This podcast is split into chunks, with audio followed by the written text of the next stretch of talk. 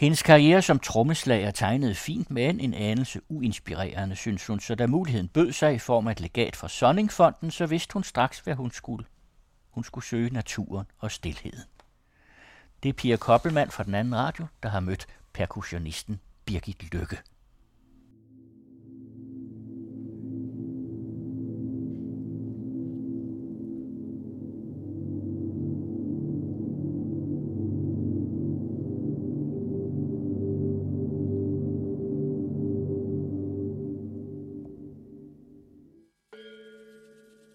Da jeg var barn, gik jeg altid rundt med nogle pinde, og ligesom sansede med dem på en eller anden måde, altså og slog på ting og sager, så jeg i virkeligheden altid, den klangen i ting har interesseret mig. Og øh, lyde.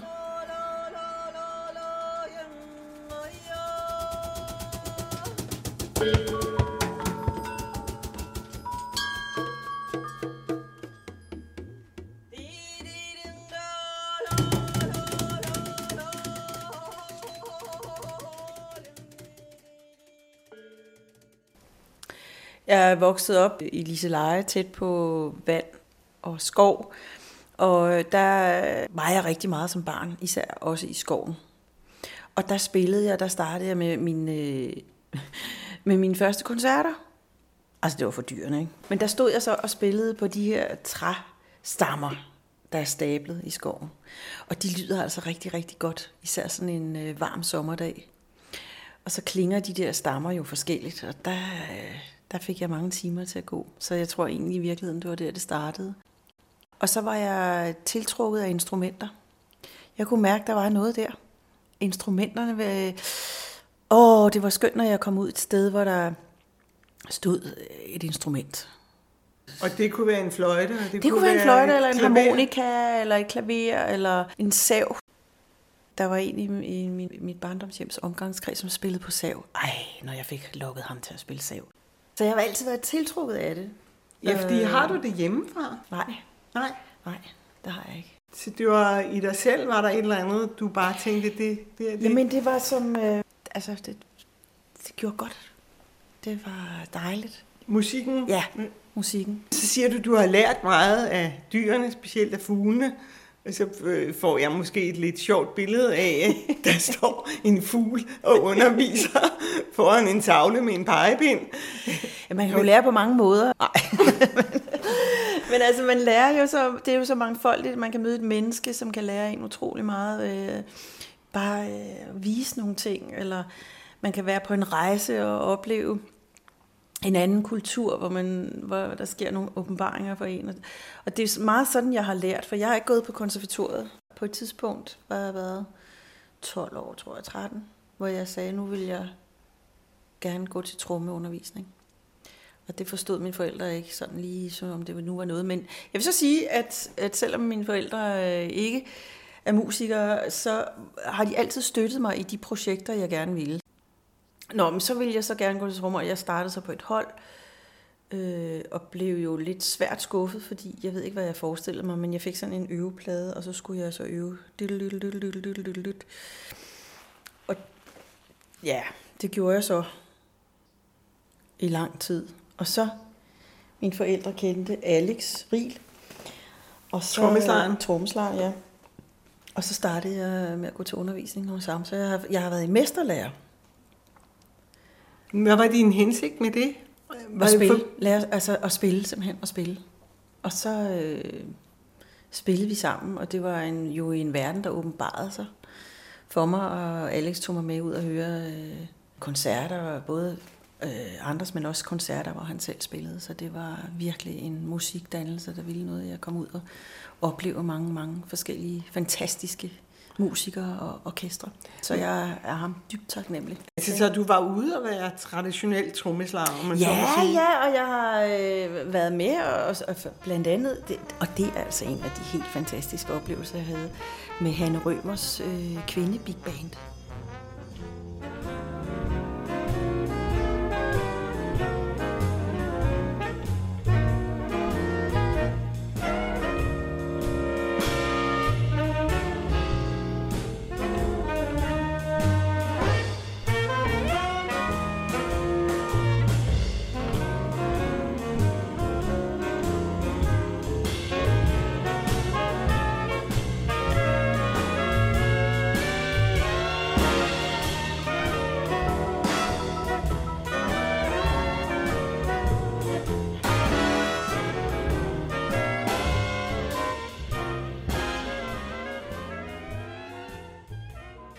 Jamen, jeg var så med der, og det var jo vidunderligt, og jeg var så også med som percussionist i Swinging Europe, som øh, Erik Moseholm var kunstnerisk leder på. Og der var jeg så heldig at komme med der. På trommesæt der. Og skal vi lige prøve at definere forskellen på en trommeslager og en percussionist? Ja, altså trommeslageren så har jo sit store trommer, lille trommer, tammer og bækner, ikke? Og, så, og hi-hat selvfølgelig. Og, så, og øh, en percussionist kan jo have gonger og trommer og alt mulige andre øh, klange, hvor det er farver og så videre, hvor trommeslageren er sådan meget øh, rytmen i og driver rytmen. Men hvordan definerer du dig selv? Hvad mener du? Hvordan jeg definerer mig selv? Ja, hvad står der på dit visitkort? Står der percussionist, eller står der trommeslager? Der står percussionist. Og det er fordi, jeg kunne godt mærke, at jeg skulle fortælle en anden historie. Øh, end jazzens historie. Og nu taler jeg kun ud fra min egen oplevelse. Det er ikke min historie. Og jeg følte lidt, at jeg sad og gentog noget, hvor jeg skulle gøre det på en bestemt måde. Og det havde jeg svært ved. Hen i den avantgardistiske retning, den tiltrak mig meget mere. Og så øh, improvisationsmusikken, og det er jo i virkeligheden den, jeg altid har haft mit store hjerte til, altså, eller hvad hedder det? Jeg var meget tiltrukket af i virkeligheden, altså det er improvisationsmusikken. Hvor du kan skabe undervejs, undervejs altså hvor det er nuet, det gælder, og hvor det er det at være så meget til stede og lytte så meget, så der kan opstå musik. Ligesom i en god samtale, der har man jo heller ikke planlagt fuldstændig på forhånd, hvad der skal siges. Altså, og så vil jeg sige, alt er respekt, der kommer lige en parentes her, alt er respekt for, de, for klassiske musikere og musikere, hvor alt er noteret og skrevet ned. Det er en anden disciplin, og alt er respekt for det, men det var ikke der, jeg fik næring. Det er altså improvisationsmusikken. Og det at være fuldstændig nu, at være til stede og respondere på det, jeg hører. Mellem dig og mig, så kom jeg til at tænke på noget andet, simpelthen, når jeg sad og spillede ting, ting, ting, ting, ting, ting, Efter tredje nummer, så tænkte jeg, nu må jeg da finde på noget andet også. Nå, men jeg var så med der, så gik der et stykke tid efter, så lige pludselig, jeg sad med min morgen til i min lille lejlighed på Vesterbro, og så dummer der et brev ind af brevsprækken. Og det er simpelthen Sonningfondens musiklegat, jeg modtager. Det kan man ikke ansøge om. Så jeg var jo altså blev grebet af komplet lykke, og øh, det første, der dukker op i mit hoved, det er, at jeg skal til Canada, i Kanadas ødemark. Og jeg ved ikke, hvorfor det billede dukker op, men det gør det altså. Og så besluttede jeg mig så for at tage til Kanadas ældste naturreservat. Hvor kom det fra? Det ved jeg ikke. Okay.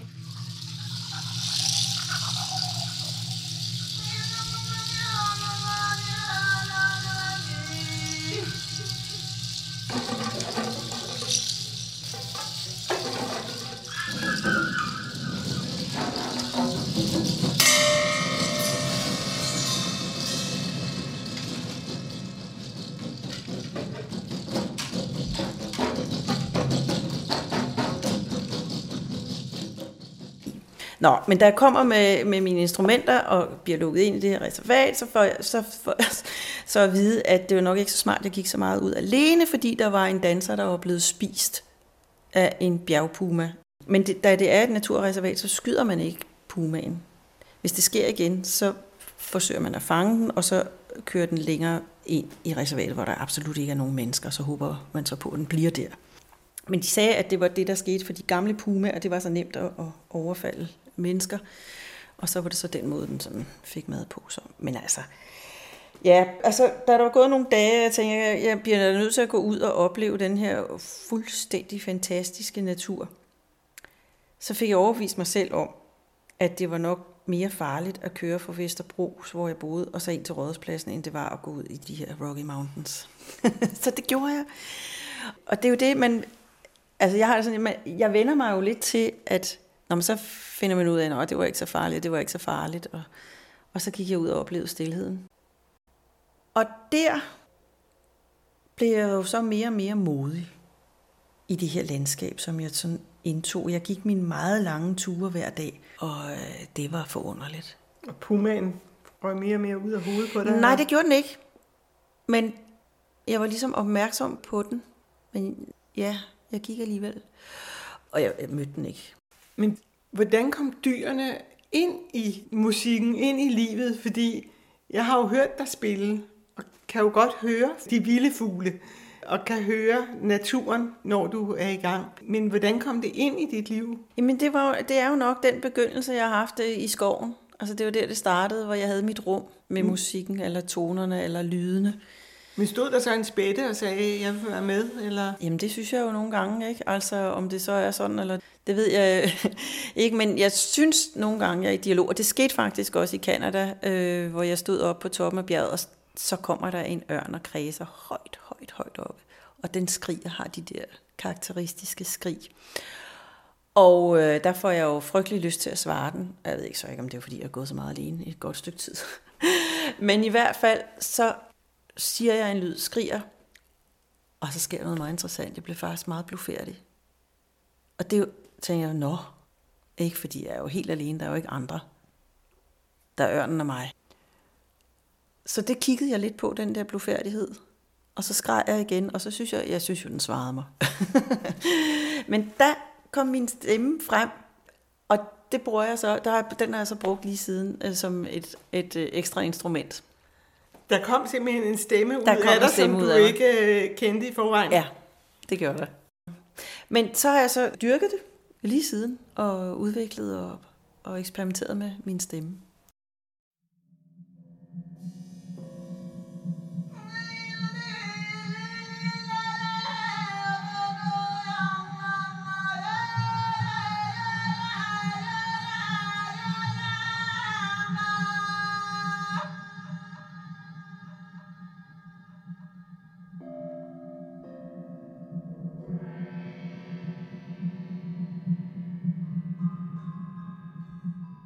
Så har du øh, også været på Stævns Klint Ja, og lave øh, lyd af hvad? Klinten? Jamen lige præcis. Line Vestergaard, skuespiller, øh, i scenesætter med mere. Hun og jeg blev enige om, at vi ville lave noget sammen. Og da Stævns Klint kom på UNESCO's verdensarvsliste, så vidste vi ligesom, at det var det, vi skulle. Helt tilfældigt kommer jeg til at sidde ved siden af en geolog inden for Geos til en fest. Og jeg begynder at snakke om øh, det her Stævns Nej, siger han så, jeg har Ph.D. lige i det der. Så snakkede vi. Og han fortalte om de der geologhammer, og som kunne give en klang. Og der kom ideen til, hvordan jeg kunne øh, lave et værk. Simpelthen helt konkret, så kom han med ud, ham her geologen, øh, Niels Skovsbo fra Geos, og en lydtekniker, øh, Jesper Siberg, og så var vi ude og optage klangene for de forskellige lag i klinten. Og det er det, der er så fantastisk ved Stævns Klint, at den har tre lag, plus den har fiskelæret, som er det der, hvor naturen har sat en streg, da meteoren ramte for 63 millioner år siden, hvor rigtig meget liv døde de store dinosaurer osv. Nå. Men øh, vi fik en masse optagelser af de her forskellige lag, og så analyserede jeg dem i et lydstudie og fandt toner frem. Så det var simpelthen dormet, Så, så hver lag i Stævns Klint fik sin sats i musikken. Altså Birgit, det du sidder og fortæller mig, det er, at sætter man optageudstyr til jorden, så kommer der forskellige lyde, alt efter hvor man placerer det på klinken. Alt afhængig af, at nu ham der øh, Niels Skovsbo øh, brugte den sin geologhammer, og den klinger så i forhold til, hvor hårdt der er. Så det vil sige, der kom jo en, en tone eller en klang i den der hammer, og det var det, vi optog. Plus, at vi også optog selve, når øh, hammeren ramte selvfølgelig. Og så var det så magisk, at Trine Dahl, som er seismolog, hun kunne jo også levere optagelser fra jorden. Jo. Og øh, der var nogle optagelser, jeg fik fra Schwarzwald i, i Tyskland af det store Sumatra-jordskælv. Og der kan man høre jordens klang. Og den svinger i 426 Hz. Og det er jo tæt på kammertonen, så jorden svinger i 426 Hz tæt på et A. Det er jo ret magisk.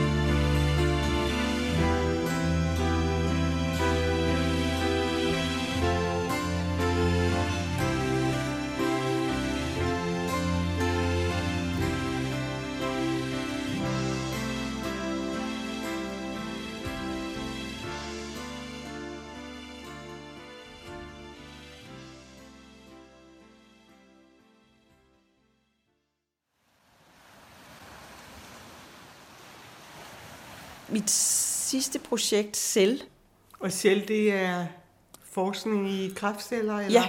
ja. Det, det, øh, altså jeg tænkte, fordi alt, hvad der bevæger sig, har jo en lyd. Og der tænkte jeg en dag, kan vide, hvordan, øh, altså vi består af så uendelig mange celler, kan vide, hvordan alt det lyder, alle de processer. Og så øh, helt kort fortalt, så fik jeg så et samarbejde med Pasteur-instituttet i Paris, hvor jeg ville finde ud af, hvordan lyder kræftceller, og hvordan lyder øh, raske celler, er der overhovedet forskel? Og jeg fik lyd ud af det. Og det skabte jeg så et, øh, et værk, et musikdramatisk værk ud af, hvor, der var, hvor alt var, er- var funderet i cellen. Altså bevægelser, måden cellen kommunikerer på, og så og reallydene. Hvor var cellerne henne, dem du optog? De var i øh, Petri, I Petri-skåle. Ja. Og det, der var meget interessant, det var, at raske celler ikke kan leve alene. Det er et stort fællesskab. Og øh, kræftceller kan godt leve alene. At De kan blive til metastaser rundt omkring i kroppen, og de er i øvrigt meget antisociale og kommunikerer ikke længere. Det synes jeg gav sådan nogle uhyggelige billeder. Ikke?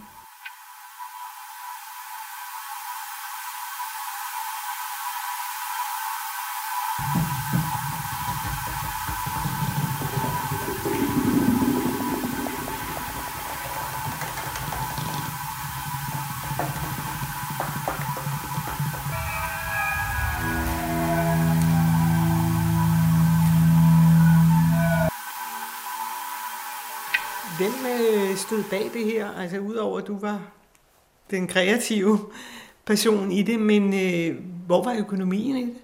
Jamen, det havde jeg fundraiset. Altså, jeg startede øh, med at, få nogle penge fra Statens Kunstfond, og så fik jeg yderligere nogle penge til at, at fuldføre projektet.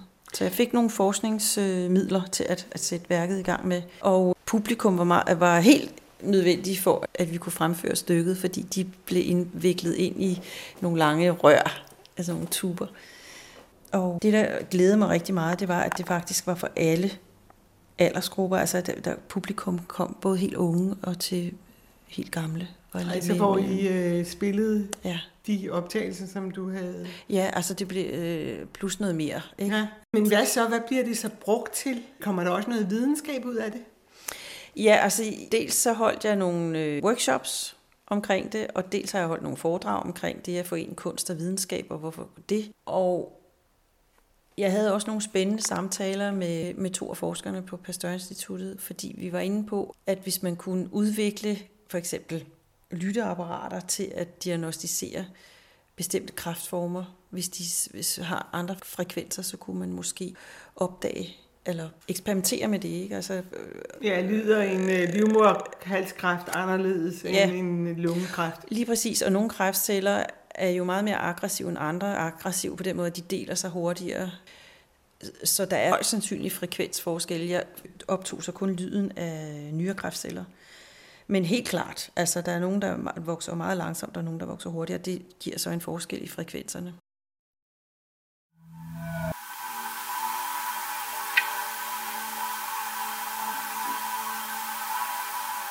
Det, der er så spændende, det er at udforske og så transformere til et kunstnerisk udtryk. Sådan, så vi begriber ofte sådan komplicerede øh, naturvidenskabelige fænomener, kan vi sanse så på en anden måde end med intellektet. Altså, øh, man behøver jo ikke at have en Ph.D. i, i Stævns Klint for at kunne sanse den. Vi behøver ikke at forstå jordens rotation og så videre for at nyde en solnedgang.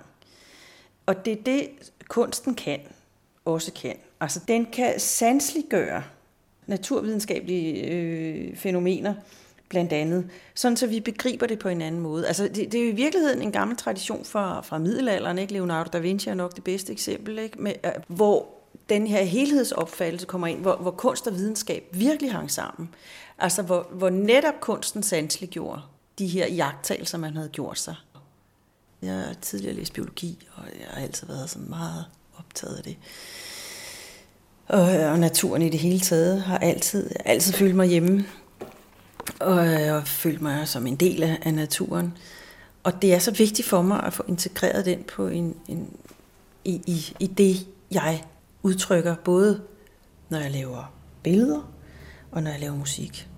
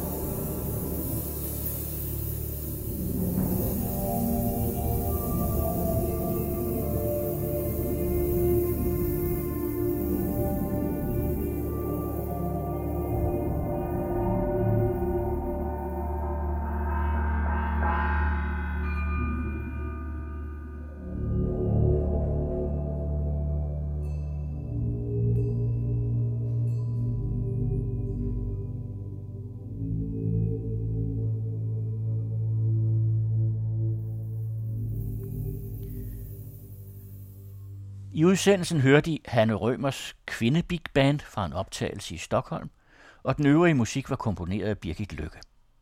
For øjeblikket arbejder hun med teaterstykke Ode til de glemte, der handler om de kvinder, der blev forbigået og aldrig fik plads som kunstnere. Stykket er planlagt til at have premiere den 4. oktober på Bellevue Teatret i Klampenborg, nord for København.